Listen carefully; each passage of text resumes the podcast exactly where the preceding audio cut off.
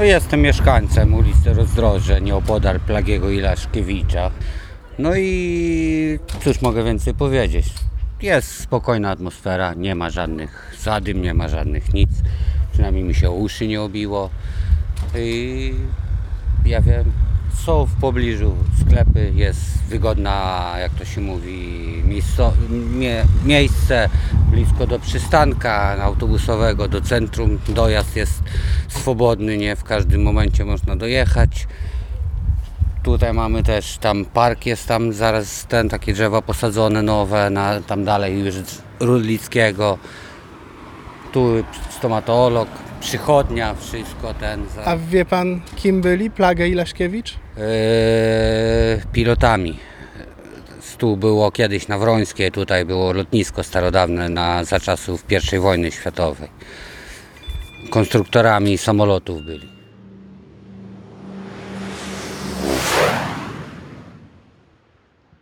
Czy lokalizacja ulicy Plagego i Laszkiewicza dzisiejszej w Lublinie ma coś wspólnego z tymi postaciami? No oczywiście, że ma. No przede wszystkim znajduje się w miejscu dawnego lotniska, dosłownie, no można powiedzieć na płycie. Doktor Małgorzata Michalska-Nakonieczna, historyk sztuki. Ta ulica dobiega do ulicy Wrońskiej, mniej więcej w tym e, węźle komunikacyjnym. Tam e, są resztki też zabudowań, przede wszystkim hangary e, lotnicze, które niedawno zostały odrestaurowane no i cieszą oko Lublinian i, i nie tylko, bo przecież tam pojawiają się też zwiedzający, ale są tam też resztki tej zabudowy, która towarzyszyła lotnisku, między innymi biura, ale też jakieś takie warsztaty, które tam się mieściły oraz taka wieża kontroli lotów, która no, dzisiaj nie ma tej wysokości pełnej, natomiast no, tam w tej strukturze architektonicznej to jest. Czyli tak jak to historycy mm, architektury mówią, substancja zabytkowa e, tam się zachowała. No, często chodzę. Jest to ulica no, znanego nam przedsiębiorcy, Blagi Laśkiewicz i Rudlicki. No to trochę zrobili tutaj dla Lubelszczyzny ten konstruktor samolotowy, a ten przemysłowiec. Także no teraz tutaj widać troszeczkę jest zagospodarowane, bo kiedyś jak prowadziliśmy się tu 30 parę lat temu, no to była tak, no wiadomo jak to było. Część tych Bronowic to była po prostu jeszcze w 70 latach to jak wieś wyglądała. A później zaczęły powstawać nowe budynki, y, nowe drogi, i także to wszystko teraz wygląda w miarę, w miarę. Place zabaw powstały. No, żyje się tu, ja wiem. Ja już jako emeryt, no nie narzekam tu. No, dziękuję. Więcej to już chyba co będę mówił. Miasto e, jest strukturą żywą. To jest struktura e, żywa, taka, która ma pamięć. E, to jest oczywiście metafora, to co ja powiedziałam, natomiast generalnie chodzi o to, że w strukturze miejskiej odciskają się te zaszłości w taki sposób, że na przykład własność prywatna, własność konkretnych działek, ona tak łatwo nie zmienia narysu. Te działki można łączyć, można, można je skupować i zrobić z nich większą, natomiast zawsze na na przykład przebieg ulic, które zazwyczaj należały na przykład do, do miasta, to zazwyczaj pozostaje to samo, więc tak naprawdę jeśli się patrzy na widok satelitarny z góry, a tu wystarczy sobie wziąć telefon e, i popatrzeć na Google Maps, gdzie dokładnie widać e, wręcz jak to lotnisko, no cały jego narys. Tym bardziej, że tam tej zabudowy też sporo się zachowało, więc e, przy takim pewnym wytrenowaniu oka można z tej historii urbanistycznej sobie zrekonstruować to, co tam się znajduje znajdowało.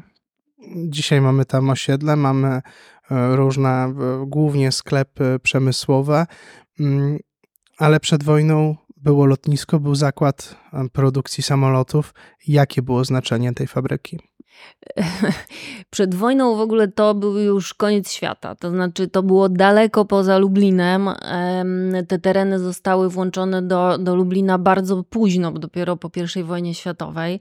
E, tam też powstało nieopodal osiedle o takim modernistycznym układzie, który też z lotu ptaka ładnie dzisiaj widać.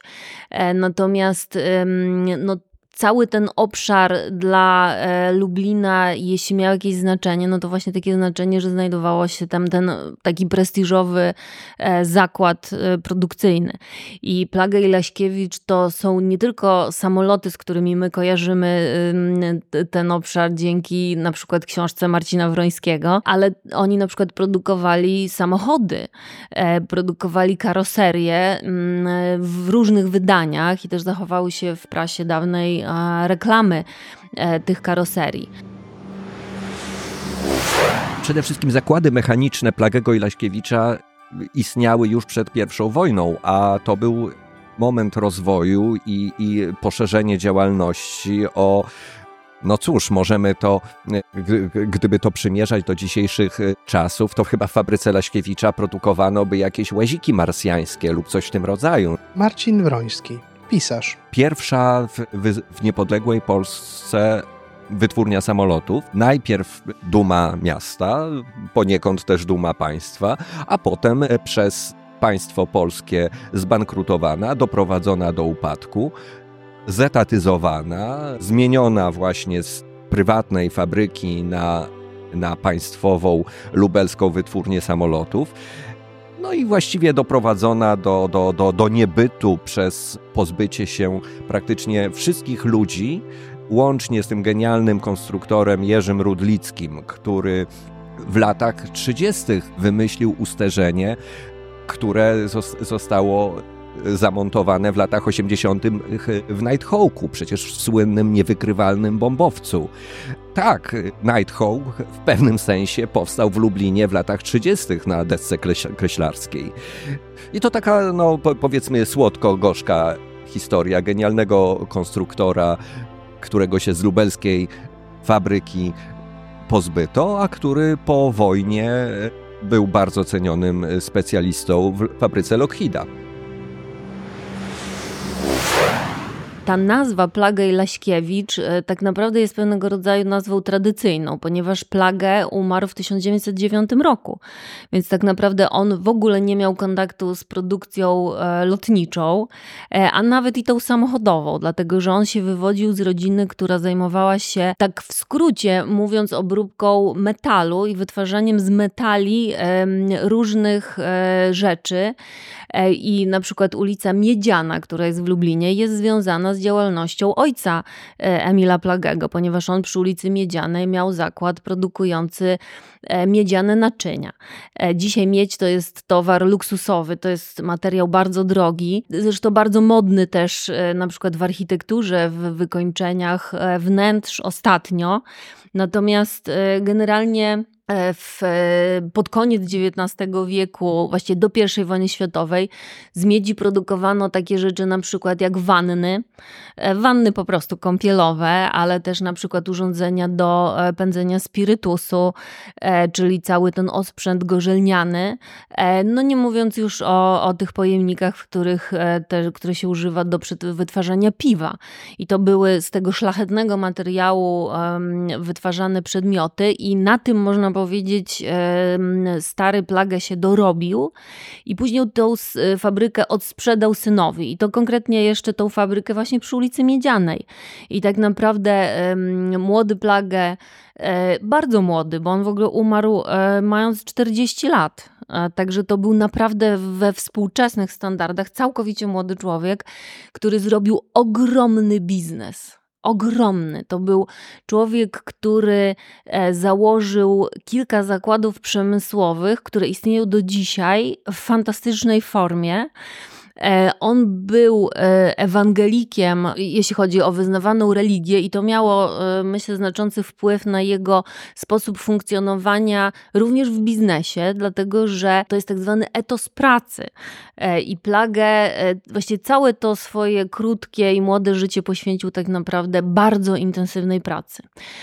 Z zakładów, które do dzisiaj funkcjonują w sposób szalenie efektywny, to jest na przykład rektyfikacja spirytusu. Ten zakład przy ulicy Krochmalnej, gdzie do dzisiaj produkuje się to samo, e, istnieje tak naprawdę ponad 110 lat. W doskonałej kondycji właściwie na całej przestrzeni swojego funkcjonowania. W przeciwieństwie do fabryki samolotów, której jak wiadomo historia no, nie była taką chlubną, jeśli chodzi o biznes, bo generalnie jak zaczęto produkować te samoloty, to już właściwie tak naprawdę schyłek i mnóstwo jakichś niepowodzeń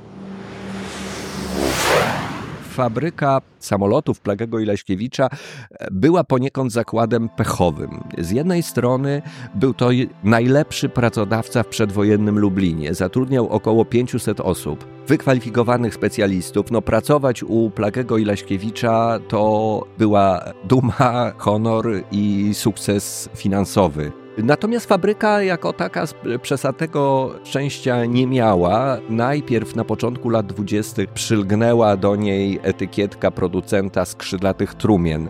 Stąd e, tytuł mojej powieści, której akcja dzieje się e, właśnie tam, ale było to po prostu spowodowane wadliwymi konstrukcjami licencyjnymi. Natomiast gdy pod koniec lat 30. E, fabryka zaczęła robić konstrukcje własne, to mimo tej ciążącej na niej nie najlepszej sławy, no wszystko się zmieniło. Za sprawą właśnie Jerzego Rudlickiego, który konstruktorem był genialnym i nawet już jeśli nie zrobił czegoś odkrywczego, epokowego, jak to właśnie ustarzenie, czy też pierwsza polska konstrukcja chowanych kół w samolotach, to robił konstrukcje niezwykle wyważone i z tym się właśnie wiąże dość e, zabawna anegdota związana z oblotem Lublina R13. Dopóki właśnie zakład nie został zagarnięty przez państwo i zniszczony, samoloty z lubelskiej fabryki nie nazywały się LWS numer taki i taki, ale właśnie Lublin R od nazwiska Rududlickiego, no i potem następował numer tej konstrukcji. Lublin R13, no cóż, numer pechowy, był oblatywany przez Jerzego Kosowskiego. O, o nim y, to, to za chwilę, bo to też arcyciekawa postać. W każdym razie zepsuł mu się podczas lotu. Pilot, oblatywacz ewakuował się skokiem ze spadochronu. Natomiast maszyna okazała się tak cudownie wyważona, że y, mimo braku człowieka sama wylądowała, jedynie e, łamiąc sobie kilka nieważnych elementów y, konstrukcyjnych. No bo po prostu przewróciła się na dziób, jako że e, nie lądowała na lotnisku, ale w szczerym polu.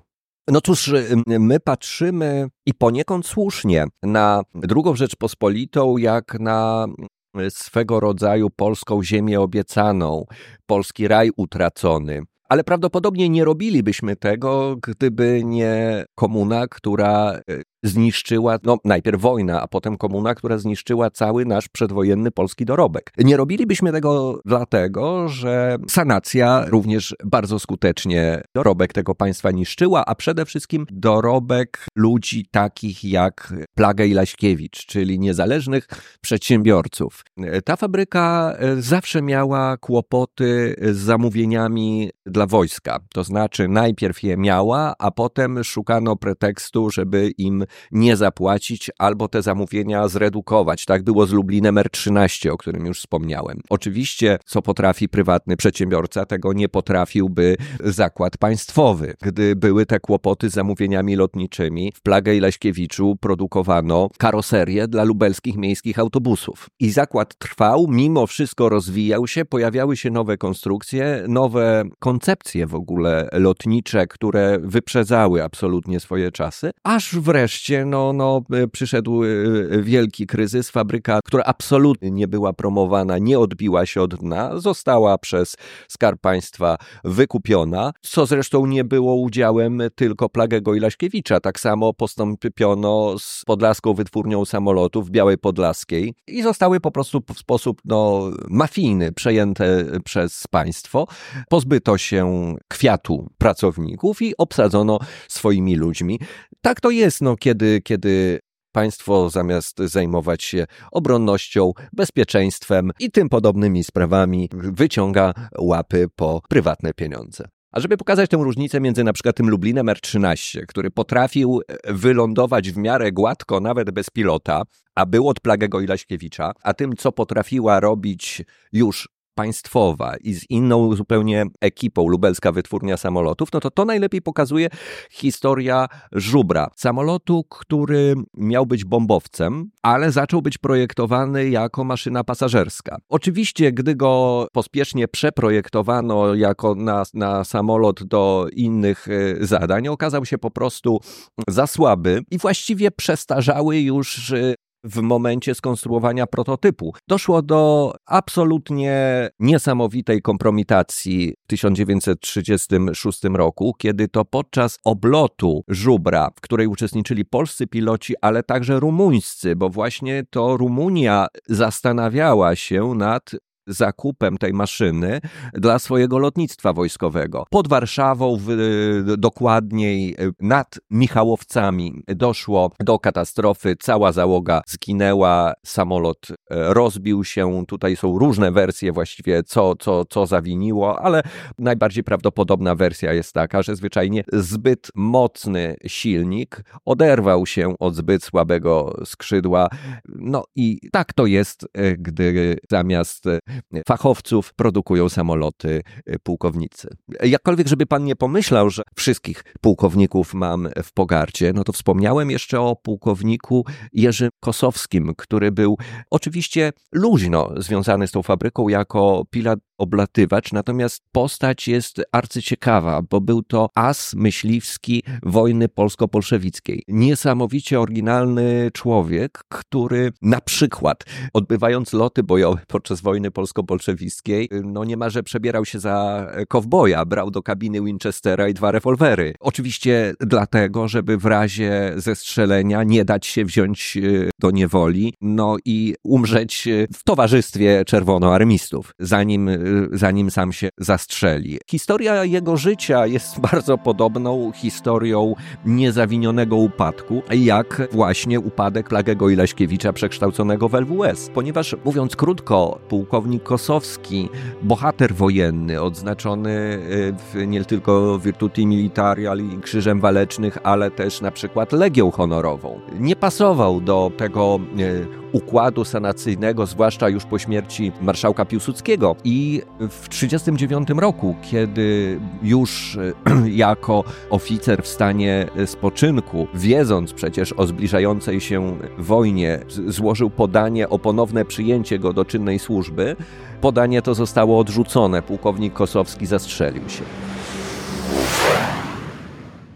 Też y, ta doktryna biznesowa Plagego polegała na takiej dywersyfikacji biznesów, czyli na tym, co się dzisiaj też e, w biznesie robi, czyli e, trzeba mieć różne biznesy, licząc na kolejne koniunktury. Jeśli jeden podupada, to ten drugi podratuje portfel. Także to był bardzo mocny, mądry, e, młody człowiek. A skąd w historii Laśkiewicz? E, Laśkiewicz był wspólnikiem, e, który też wrzenił się w tą rodzinę Plagę i on był e, skoligacony z tą rodziną Plagego od strony jego siostry, ponieważ Plagę był młody i umarł bezdzietnie.